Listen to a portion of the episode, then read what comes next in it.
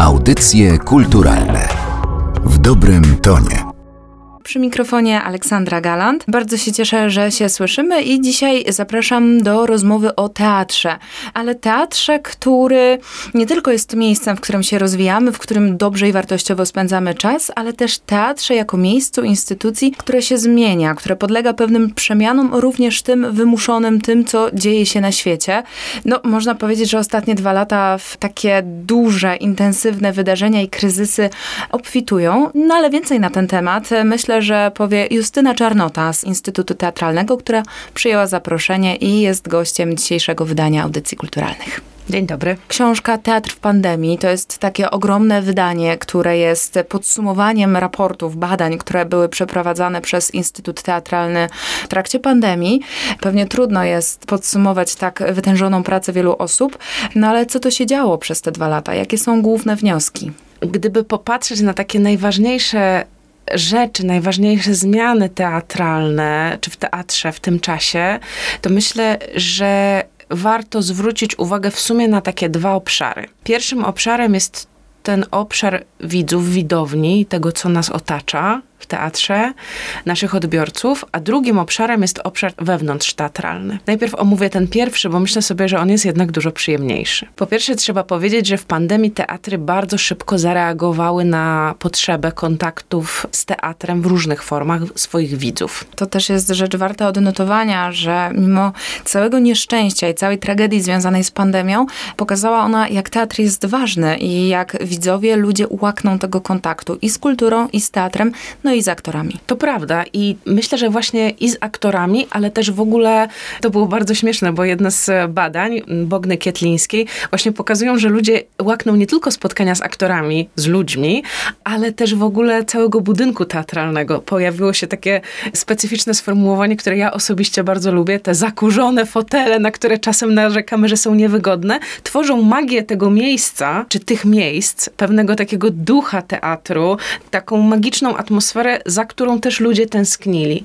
I to jest według mnie bardzo ciekawe, że dużo się mówi o tym, że instytucje jako olbrzymie organizmy bardzo powoli reagują na zmiany. A właśnie pandemia pokazała to, że teatry potrafią reagować szybko, potrafią się przestawić i potrafią spriorytetyzować swoje myślenie o widzu. Jeśli nam się wydaje czasem, że o, to wszystko będzie szło powoli, potrzeba takich ogromnych pieniędzy, to właśnie teatry nam w pandemii pokazały, że można działać bardzo szybko i być bardzo skutecznym skutecznym, jeśli rzeczywiście będziemy mieć na pierwszej, głównej myśli to, że teatry są dla widzów. Myślę, że w, ogóle to bardzo, bardzo jest ważna przemiana, bardzo ważny taki horyzont myślenia, że teatry nie muszą być elitarne, ale mogą być egalitarne, bo dzięki internetowi mogą docierać wszędzie, do całej Polski. Myślę, że ta sytuacja pandemiczna w bardzo dużej mierze podkreśliła taki wątek, do którego my czasem może w środowisku teatralnym się nie przyznajemy. To znaczy naprawdę Polska jest tak zbudowana, że jest sto kilkadziesiąt instytucji w dużych miejscach, ale oprócz tego ludzie naprawdę nie mają dostępu do teatru. A nagle dzięki pandemii bardzo rozmaitych formach i warsztatowych, i spotkaniowych, i spotkania ze swoimi aktorami, i transmisji spektakli, i nagrań spektakli, i archiwów spektakli, naprawdę cała Polska mogła wziąć udział.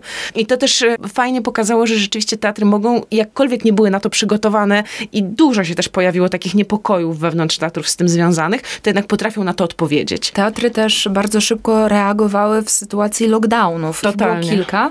Słowo, które pierwsze przyszło mi na myśl, to jest taki roller coaster, bo przecież jednego dnia teatry były zamknięte, po czym pojawiał się komunikat, że owszem, mogą się otworzyć, ale pod warunkiem, że dyrekcje zapewnią to, to i tamto. To były z tego, co pamiętam, te przejścia, które zapewniały ludziom izolację, że się nie mijali między sobą, e, miejsca do dezynfekcji, no nie mówiąc już o ograniczonej liczbie miejsc. To było chyba spore logistyczne wyzwanie. Myślę, że bardzo duże. Szczególnie warto zwrócić uwagę na rozmaitość teatrów w tym akurat przypadku, bo nie wiem, czy Państwo pamiętacie, to jest niesamowite. Z dzisiejszej perspektywy nie minęło jeszcze dwa lata, a to już po prostu trzeba odtwarzać, w którym momencie co się działo, że na przykład był taki moment, w którym ta odległość od widza musiała wynosić 5 metrów żeby aktor był bez maseczki. W tej odległości mógł śpiewać, a w odległości 3 metrów mógł mówić, więc naprawdę pojawiały się i szczegółowe wytyczne, które ciężko było spełniać, na przykład w teatrach lalek, czy w teatrach dla dzieci, które mają bardzo małe przestrzenie i właśnie na tej kameralności opiera się cała sytuacja, to naprawdę było wyzwaniowe, żeby sobie z tym radzić. To bardzo pokazało, że teatry bywają elastyczne, mogą być elastyczne,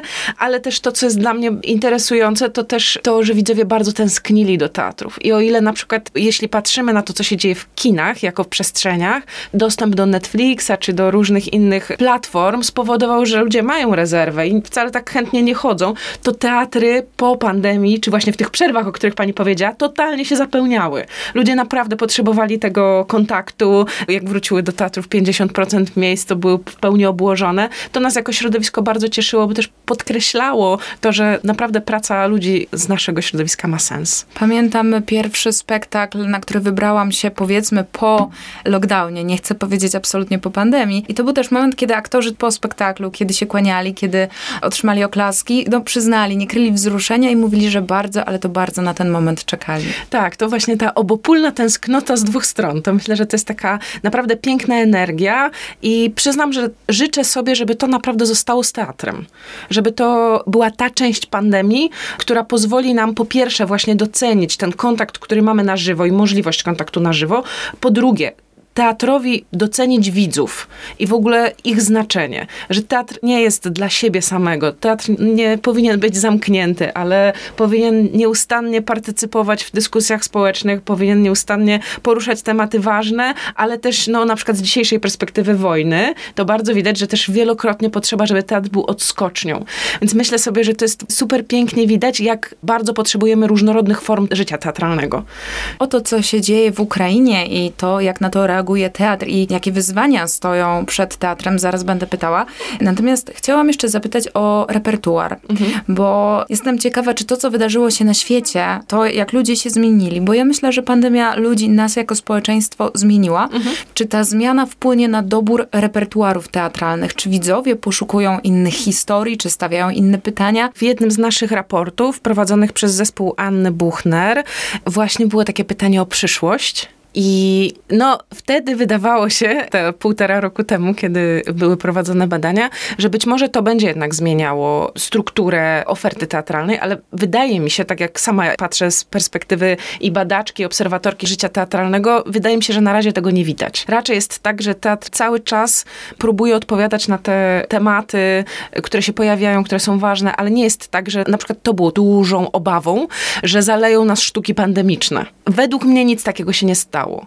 Jeszcze jedna obawa, że sytuacja ekonomiczna będzie na tyle zła, że nie będą powstawać żadne ambitne projekty totalnie na razie tego nie widać i oby tak było cały czas, że właśnie teatr ma różne ważne rzeczy do powiedzenia i ma pieniądze na to, żeby w ten sposób mówić. Także no myślę sobie też, że jest jeszcze zbyt krótki ten dystans. Właściwie cały czas jesteśmy w pandemii, teraz po prostu wojna przysłoniła czy pokazała jeszcze inną stronę. Myślę, że też ta sytuacja kryzysu ekonomicznego jeszcze będzie do nas przychodzić właśnie i w tym kontekście, ale to, co chcę powiedzieć, to to, że na razie na tę chwilę nie ma takiego wyraźnego, według mnie, załamania się w teatrze, czy przekierowania teatru na inne tory, no ale być może właśnie to się jeszcze będzie działo. Zobaczymy, będziemy to obserwować. Pandemia też nie odsłoniła zupełnie nowych rzeczy. Raczej ja jestem wyznawczynią tej teorii, która mówi o tym, że takie duże sytuacje czy duże wydarzenia raczej pozwalają uwypuklić pewne tendencje, które można było wcześniej obserwować. I tak jak wcześniej można było obserwować dużo różnych zjawisk koncentrujących uwagę teatrów na widzu. Myślę tu i o pedagogice teatru, ale myślę tu o całym nurcie audience development, który też zaczął się rozwijać. To też muszę z przykrością powiedzieć, że pandemia też pozwoliła odsłonić pewien rodzaj takich problemów teatralnych. Przede wszystkim myślę o naprawdę wielkiej prekaryzacji tego środowiska, bo pokazuje to, y, że jest to środowisko i biedne, i często utrzymujące się, mówię o ludziach pracujących w teatrach instytucjonalnych, naprawdę z najniższych pensji. Bardzo dużo było takiego niepokoju wokół aktorów, którzy często są zatrudnieni na naprawdę niskie stawki w podstawie, a dostają wynagrodzenia za spektakle i w momencie, w których ich nie dostają, no to są w dużym dużym problemie. Tutaj z kolei bardzo polecam takie badanie pod wodzą profesor Doroty Ilczuk, która w danych liczbowych pokazała też, jak pandemia wpłynęła na zubożenie środowiska teatralnego. To też jest bardzo ciekawe. Mamy nadzieję, że ta sytuacja będzie się zmieniać i normalizować i widzimy, że tak się dzieje, no bo właśnie jak gramy i jak mamy widzów, to jest lepiej, ale to ogólnie pozwoliło zadać dużo pytań o to, czy ten system instytucjonalny, w którym my pracujemy, jest na pewno najlepszy. Widać też na przykład, jak patrzymy na teatry lalkowe, czy w ogóle na funkcjonowanie teatrów, które mają ofertę dla publiczności dziecięcej, które grają o poranku i bazują na szkołach, to w momencie, w którym jest pandemia, w momencie, w którym te spektakle są bardzo często odwoływane, klasy trafiają na kwarantanny, no to tak naprawdę nie pozwala to też spokojnie funkcjonować teatrom jako instytucjom. To jest takim no, dużym kłopotem, bo pokazuje to, że część systemu teatralnego, naprawdę duża część, bo mówimy o dwudziestu kilku teatrach lalkowych, ale też mówimy o teatrach dramatycznych, które mają ofertę dla dzieci i młodzieży, bazowanie czy budowanie jej w oparciu o ten system szkolny jest naprawdę bardzo niebezpieczne, bo po prostu jednak tworzy jakąś strukturę, w ramach której wyłom powoduje, że no nie wiemy, co robić. Odwołujemy znowu spektakle. Mhm. Że system teatralnego funkcjonowania, rozumiany jako taki bardzo hierarchiczny system, w ramach którego mamy właśnie aktorów na pierwszej linii, dyrektora, które zarządza i jeszcze parę y, działów typu biura organizacji widowni, które to bardzo wspierają, trochę postawiła na głowie ten system, bo nagle się okazało, że naprawdę wartościowymi pracownikami są ci, którzy mają pomysły i możliwości. Stąd na przykład wielkie dowartościowanie krawcowych. Stąd wielkie dowartościowanie działów edukacji, działów archiwów, które mogły udostępniać różne rzeczy, którymi zasypywane były głównie Facebooki, ale też w ogóle takie budowanie zastępczej oferty. Ten właśnie system hierarchiczny też pokazuje, że aha, teatry były ustawione na produkcjach, i nagraniach tych produkcji, przy kolejnych przygotowaniach tej produkcji, a pandemia pozwala nam się zatrzymać i zapytać, czy to na pewno jest ten wydolny system.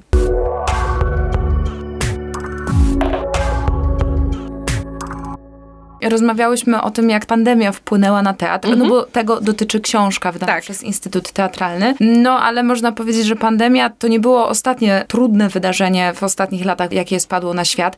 No i e, siłą rzeczy także na teatr. Od 24 lutego trwa inwazja wojsk rosyjskich w Ukrainie. Teatry w całej Polsce, myślę, że mogę też powiedzieć na całym świecie, w całej Europie wysyłają różnego rodzaju gesty solidarności, ale pojawia się pytanie. Ja je zadam przytaczając cytat e, Oleny Apczel. To jest ukraińska reżyserka związana z Teatrem Nowym w Warszawie. No i ona w jednym z wywiadów powiedziała, że wojna to nie jest czas na teatr. I mam wrażenie, że twórcy i widzowie to pytanie mają w tyle głowy. Uczciwie mogę powiedzieć, że obserwacja życia teatralnego, które toczy się od paru tygodni, dość dobrze koresponduje z tym cytatem przytoczonym. To znaczy, po pierwsze, można zauważyć to, że bardzo wiele teatrów włączyło się przede wszystkim w pomoc humanitarną, rozumianą jako taka naprawdę bazowa działalność udostępniania miejsc noclegowych dla gości z Ukrainy, czy organizowania zbiórek, darów, zbiórek pieniędzy, czy takiej pracy osób zatrudnionych w teatrach wolontaryjnie na rzecz osób z Ukrainy w różnych miejscach, czy to na dworcach, czy w hotelach. No trochę takiej pracy, jaką my wszyscy generalnie Polacy teraz na co dzień wykonujemy, no a ponieważ są to ludzie zatrudnieni w samorządowych instytucjach, czy w narodowych instytucjach, no to część z nich może po prostu też ten czas jakoś w ten sposób przeznaczyć.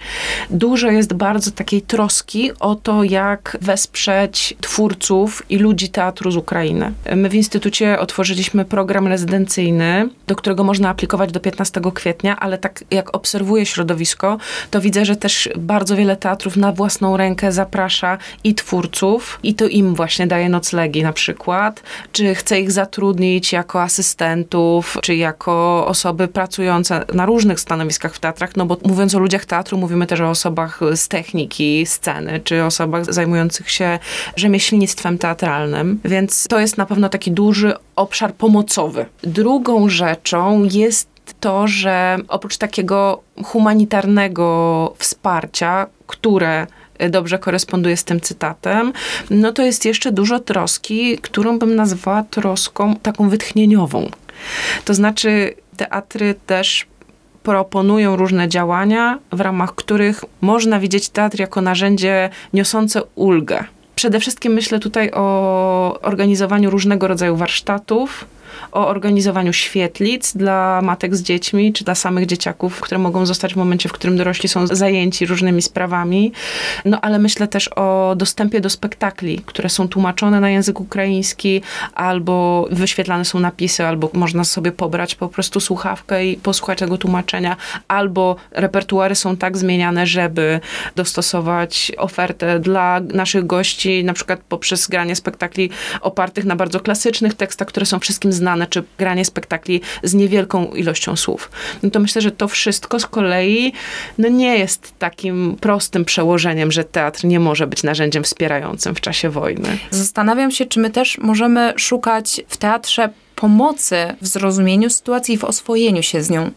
Ciężko zdystansować się i diagnozować tę sytuację, więc ja bym raczej właśnie była teraz w takim trochę ruchu wytchnieniowym może i jednak takiego patrzenia na teatr jako też na miejsce, w którym można po prostu doświadczyć czy skupić się na tematach uniwersalnych i w takim sensie szukać sensu w tym, co nas otacza. Nie spodziewam się, że teatr nam da od razu analizę jakiejś sytuacji, chociaż też widzę, że dość dużo teatrów tłumaczy szybko aktualne sztuki ukraińskie, więc być może na przykład to jest taki obszar, który będzie dostarczał nam lepszego rozumienia tej sytuacji. Ale no z drugiej strony, może też przez to, że ja sama się zajmuję teatrem dla dzieci i młodzieży, to bardzo wierzę, że to może być po prostu narzędzie takie dające moment dobra, moment spokoju, moment rozluźnienia się. Teatr jako taki azyl. Na pewno to jest taka ścieżka, która mi samej jest na ten moment bliższa. Jak zaczęła się pandemia, to ja na przykład osobiście e, chętnie obserwowałam takie wydarzenia online'owe, które eksperymentowały. W ogóle bardzo to było dla mnie ciekawe i wnoszące dla mojej praktyki, żeby sprawdzić, jak teatr może korzystać z internetu, z wideo jako z nowego medium.